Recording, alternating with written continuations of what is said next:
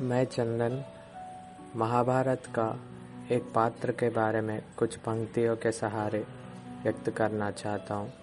पंक्तियाँ कुछ इस प्रकार हैं। क्या भागी में कुछ ऐसा था? चाँद आप तो मैं सूर्य था।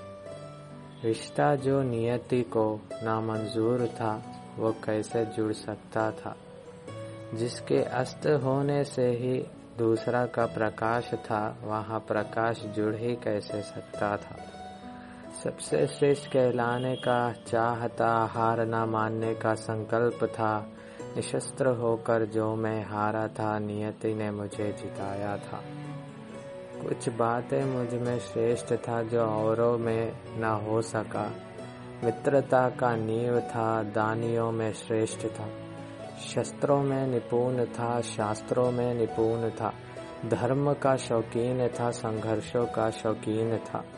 श्रेष्ठों में श्रेष्ठ कहलाया था, छह भाइयों का ज्येष्ठ था।